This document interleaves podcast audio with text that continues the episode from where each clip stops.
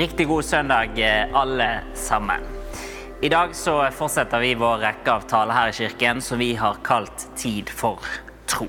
For i vår del av verden så har vi blitt eh, vant til å tenke det at verden den utvikler seg stadig til det bedre. At de valgene jeg tar, de har egentlig bare konsekvenser for meg sjøl. Og hvis det er noen problemer, ja, så kan jeg kjøpe meg ut av det aller meste. Så hva gjør vi da når en pandemi eller sykdom eller en personlig tragedie kaster oss ut i usikkerhet, håpløshet og lidelse? Kanskje ikke så veldig overraskende, siden dette er en kirke, så prøver vi å disse ukene her formidle til deg, du som kanskje ikke har et veldig avklart forhold til det å tro på en gud, at det kristne livssynet det har ikke bare noen veldig gode svar på alt dette, men at det òg er en livsanskuelse som bærer gjennom livets realiteter. Og I dag skal jeg snakke om temaet mening i meningsløshetens tid. Mye av det jeg skal si i dag, det er hentet fra denne glitrende boken her, 'Making Sense of God'. Jeg har lært det av Einstein at smarte mennesker de etterligner, men genier de kopierer. Så hvis jeg sier noe i dag som du tenker det var helt briljant, så er det mest sannsynlig tatt rett ut fra denne boken her. Men det vi skal gjøre først, det er at vi skal lese en tekst fra Bibelen sammen. Og Teksten vi skal lese, det er hentet fra en bok i Det nye testamentet som er skrevet av en som heter Johannes. Han var en del av Jesus sin indre krets, og han var et øyenvitne til mange av de hendelsene som vi kan lese om i Det nye testamentet. Johannes han skriver dette. I begynnelsen var Ordet. Ordet var hos Gud, og ordet var Gud. Han var i begynnelsen hos Gud. Alt er blitt til ved ham. Uten ham er ikke noe blitt til. Det som ble til i ham, var liv, og livet var menneskenes lys.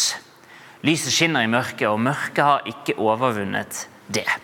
Og ordet ble menneske og tok bolig iblant oss, og vi så hans herlighet. En herlighet som den enbårne sønn har fra sin far full av nåde og sannhet. Det finnes kanskje ikke et mer fundamentalt spørsmål enn hva er meningen med livet? Men mange tenkere derimot, de ser på dette spørsmålet som et litt sånn tullete spørsmål. I sin bok 'Hva er meningen?' så skriver filosofen Thomas Nagel om hvordan dette spørsmålet kommer fra at vi ser på oss sjøl som mer betydningsfulle enn det vi egentlig er. Han skriver siden graven er livets eneste mål, så er det nok latterlig å ta oss selv så seriøst. Istedenfor så burde vi ta livet sånn som det kommer, og nyte det så mye som vi kan så lenge det varer. Men utfordringen er jo bare at det er jo nettopp det vi faktisk gjør. Når spurt om hvorvidt man tenker på mening og meningen med livet, så viser studier at nærmere tre fjerdedeler av oss på tvers av kloden svarer at det gjør vi ofte eller noen ganger. Og de regionale variasjonene de er overraskende små, fra 89% i Afrika til 76% i Asia. Og nå er det sånn at I vår vestlige sekulære kontekst så er vi opplært til å tenke at all religion og tro det er egentlig passé. Men ser vi oss rundt i verden, så er trenden faktisk en helt annen. Studier viser det at det å tro på en gud det er noe som gir mening for fire av fem mennesker i verden i dag. og Tallene ser faktisk ut til å øke i årene fremover. Derfor konkluderer de fleste statistikere verden over med at i det neste århundret vil verden være mindre sekulær enn den er i dette. Ser vi f.eks. på Afrika, så har antall kristne vokst fra 10% i 1910 til 50% i 2020. Og I land som Kina, Korea og Japan så har antall kristne vokst fra 1% i 1970 til 11% i 2020. Virkeligheten er faktisk den at Ser vi på verden som helhet, så blir den faktisk ikke mer sekulær. Snarere tvert imot. Den blir mer religiøs. Og Da er jo spørsmålet hvorfor er det slik? En enkel forklaring kan jo være at alle andre der ute tar feil, mens vi her oppe på berget vi har skjønt det, vi har rett. Og Det er jo for så vidt en teoretisk mulighet, selv om en sånn hvit, vestlig imperialistisk måte å forstå verden på neppe er det som du og meg ønsker å vende tilbake til. En annen enkel forklaring kan jo være at når land blir mer teknologisk utviklet, så blir de òg mer sekulære, sånn som en religionslærer påsto her i Bergens Tidende for en ukes tid siden. Problemet med en sånn forklaring er bare at i land der den teknologiske utviklingen går raskest, som f.eks. land i Øst-Asia, så er det òg de landene der f.eks. kristendommen vokser raskest frem. Men en tredje forklaring kan jo være at utviklingen går sånn som den går, fordi det faktisk er noe i det. Nå er det ingenting av det jeg kommer til å si i dag som kommer til å være en slags bevisføring som eh, vil påvise en gang for alle at kristendommen den er sann. Men jeg håper likevel at jeg i de neste minuttene kan få vekke din oppmerksomhet til hvorfor du burde bry deg om å finne ut av om det er sant eller ikke.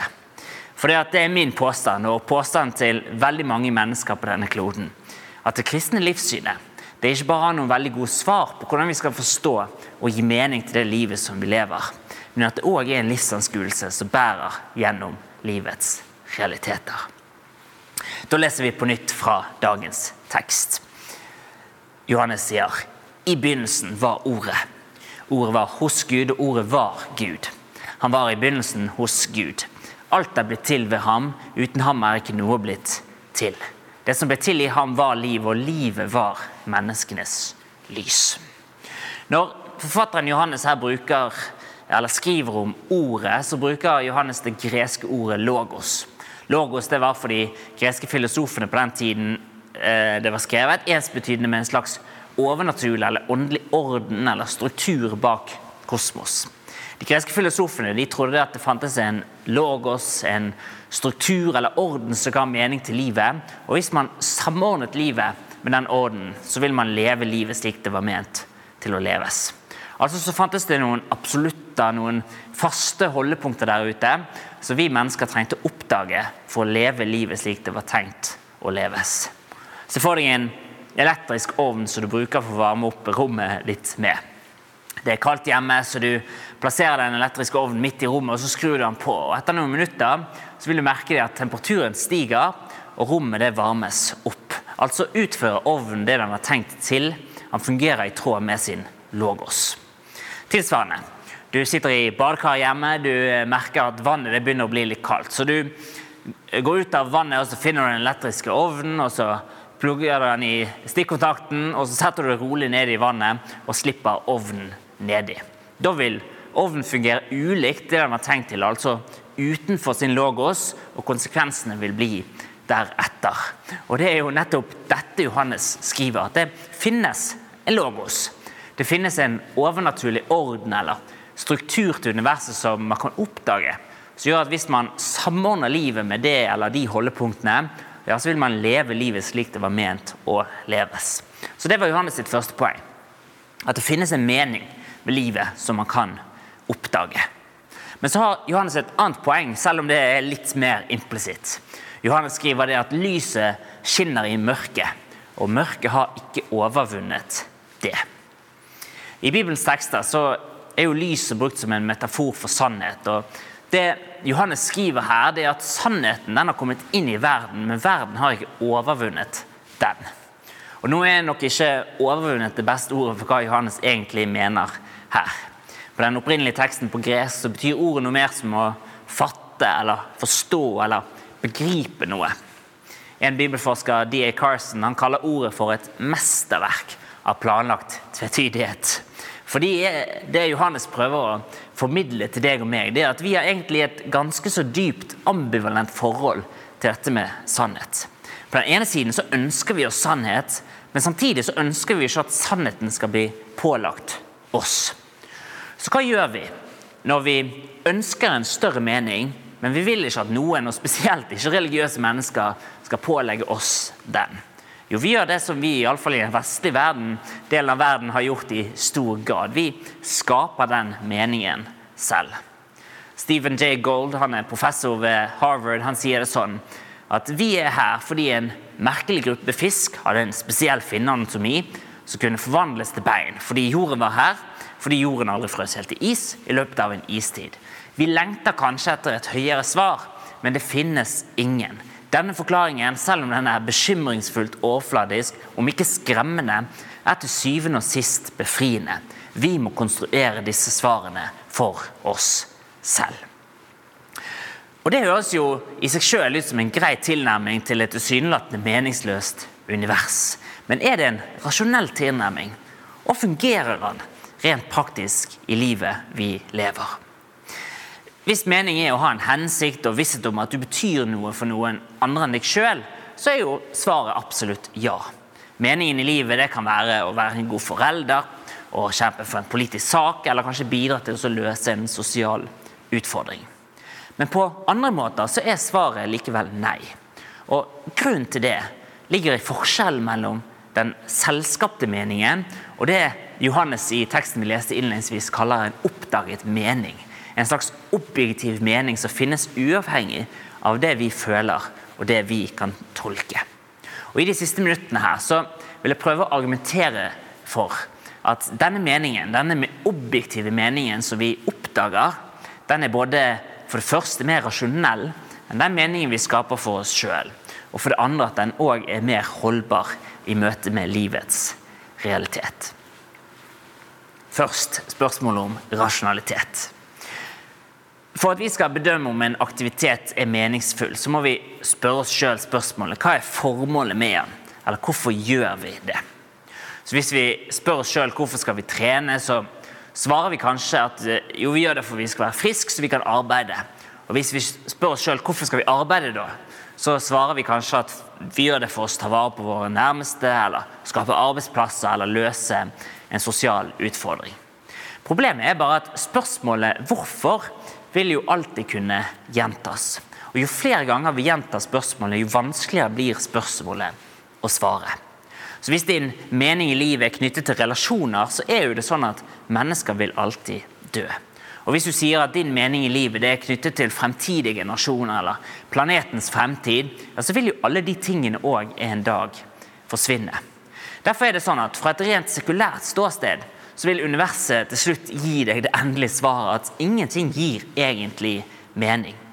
Hvis dette livet er alt som er, og nå snakker jeg selvfølgelig filosofisk, og det finnes ingen gud eller noe liv etter denne verden, ja, så vil det til syvende og sist ikke ha noe å si om du er en gal folkemorder eller om du er en altruist. Om du bekjemper sult eller om du utnytter fattige. For når alt kommer til alt, så har ikke livet noe mening uansett. Alt det du oppnår, vil forsvinne til slutt. Så Derfor mener mange i vår senmoderne kontekst at vi bør ikke stille oss sjøl sånne svære metaspørsmål om meningen med livet. Vi burde ikke tenke på det ultimate utfallet av livet vi lever, men vi bør heller disiplinere oss sjøl til ikke stille oss sjøl så veldig store spørsmål. Tim Keller han skriver i boken sin at hvis det moderne, sekulære mennesket tenker ut implikasjoner av sitt syn på en ren materialistisk verden hvor alt liv utvikler seg tilfeldig og ved uhell, ja, så har mennesker ingen verdi i det hele tatt. Og så siterer han høyesterettsdommer Oliver Wendell Holmes jr. når han sier ingen med et slikt sett av tro kan få fred og mening for hverdagen, med mindre han slutter å tenke på implikasjonene av sin tro. Så vi slutter å tenke på implikasjonene av vårt livssyn for at livet ikke skal føles meningsløst. I kontrast da, så fungerer mening i livet til den som er kristen, i motsatt retning. Hvis en kristen føler at livet er meningsløst, så er det fordi han på en måte ikke tenker nok på implikasjonene av sitt livssyn. For kristne de tror at det finnes en Gud som har skapt oss i kjærlighet til å kjenne Han. Men siden menneskeheten har vendt seg fra Gud, så har vi kommet bort fra Han. Men Gud han har lovet å bringe oss tilbake til seg. Så han sendte sin sønn inn i vår verden for å bryte dødens makt. Ved å dø på korset og overvinne døden ved å oppstå igjen. Og En dag skal vi òg oppstå til en ny himmel og en ny jord, der død og smerte og lidelse ikke lenger skal finnes. Så hvis du er en kristen, og det er dette som er din livsanskuelse, og du samtidig mangler mening og fred, så er det på en måte fordi at du ikke tenker nok. I et sekulært livssyn så kan man oppleve midlertidig overfladisk fred ved ikke tenke for mye på implikasjonene av det man tror på. Men det kristne livssynet det kan gi en dypere fred og mening, som kommer fra å gjøre det komplett motsatte. Nemlig å gjøre seg sjøl så oppmerksom og bevisst på implikasjonen av sitt livssyn som overhodet mulig. Altså er oppdaget mening, den vi finner i Gud, på mange måter mer rasjonell enn den meningen vi skaper for oss sjøl. Og For det andre så er det min påstand at den meningen vi oppdager, den er mer holdbar i møte med livets realiteter enn den meningen vi skaper for oss sjøl. Det sekulære livssynet det er det eneste livssynet der en må finne sin mening i dette livet her og nå. I de aller fleste andre livssyn så er det en eller annen forståelse av at dette livet det er ikke hele historien, men i det sekulære livssynet så er det sånn. Det betyr implisitt at skal livet ha mening, så må livet egentlig gå bra. Og Det betyr òg at i teorien i alle fall, at når lidelse ødelegger det, ja, så er livet òg meningsløst. Viktor Frankel han var en jødisk professor. Han overlevde konsentrasjonsleiren Auschwitz under andre verdenskrig. Og I sin velkjente bok 'Man's Search for Meaning' så skriver han om hvordan eh, ulike personer responderte på grusomhetene som fant sted. Og Hans konklusjon var at de ulike gruppenes respons på lidelsene hadde med å gjøre med hvordan de opplevde mening i livet. De som hadde en mening knyttet til ting i dette livet, ja, de mistet all mening under grusomheten i konsentrasjonsleiren og ga enten opp eller gjorde nesten hva som helst for å redde seg sjøl. Men så var det en annen gruppe som ikke ga opp, som klarte å beholde sin menneskelighet på tross av de grusomme hendelsene som fant sted. Og Det Viktor Frankel oppdaget, det var at disse menneskene de hadde et annet referansepunkt som transcenderte de omstendighetene de befant seg i. Det var, dette var de menneskene de som fant sin mening i noe større enn bare det som er her og nå. Hvis din mening i livet er knyttet til hvor bra livet går, ja, så er det naturlig at lidelse vil da bidra til å ødelegge din mening. Men hvis din mening er knyttet til noe større enn det materielle, ja, så kan lidelse faktisk virke motsatt vei. For den som er en kristen, så er selve meningen med livet å både kjenne og etterligne og være sammen med Gud. Og Med det som utgangspunkt så kan faktisk lidelse øke din opplevelse av mening i livet. Fordi lidelsen også er en invitasjon til å komme nærmere Gud. Og Det er dette Johannes prøver å formidle til oss når han skriver at ordet det ble menneske og tok bolig iblant oss. Og Vi så hans herlighet, en herlighet som den enbårne sønn har for sin far. Full av nåde og sannhet. Johannes sitt poeng i dette at det finnes en logos. Det finnes en større mening som vi kan oppdage, fremfor å måtte skape den for oss sjøl. Denne meningen det er ikke et sett med sånne abstrakte prinsipper eller en slags overnaturlig orden eller struktur som vi prøver å lete oss frem til. Men det er en person som vi kan ha en relasjon til. Det Johannes prøver å formidle til oss, er dette. At Gud skapte deg og meg for å kjenne, for å etterligne og for å være sammen med Han. Men så vendte vi han ryggen, vi ville gå våre egne veier. og Ser vi ærlig på denne verden og ærlig på oss sjøl, ja, så ser vi at det prosjektet ikke alltid har lykkes. Så Gud han ser på den verden han elsker og ser at vi trenger hjelp. Så han skriver seg sjøl inn i historien. Gud selv blir et menneske, og så flytter han inn i nabolaget. Og Gjennom Jesus sitt liv, hans døde oppstandelse, og så baner han på ny veien tilbake til Gud. For Gud er ikke et kaldt konsept som vi skal forstå, men det er en person som vi kan kjenne. Og I Jesus slipper du derfor å gå ut for å prøve å finne meningen sjøl, fordi meningen finner deg. Og Ved å ta imot Han i tro, ja, så kan du oppleve en mening som ikke bare gir deg en bedre forståelse av det livet du lever, men som òg setter deg i stand til å møte livet slik det faktisk er. Som jeg sa innledningsvis, ingenting av det jeg har sagt i dag, beviser at den kristne troen er sann.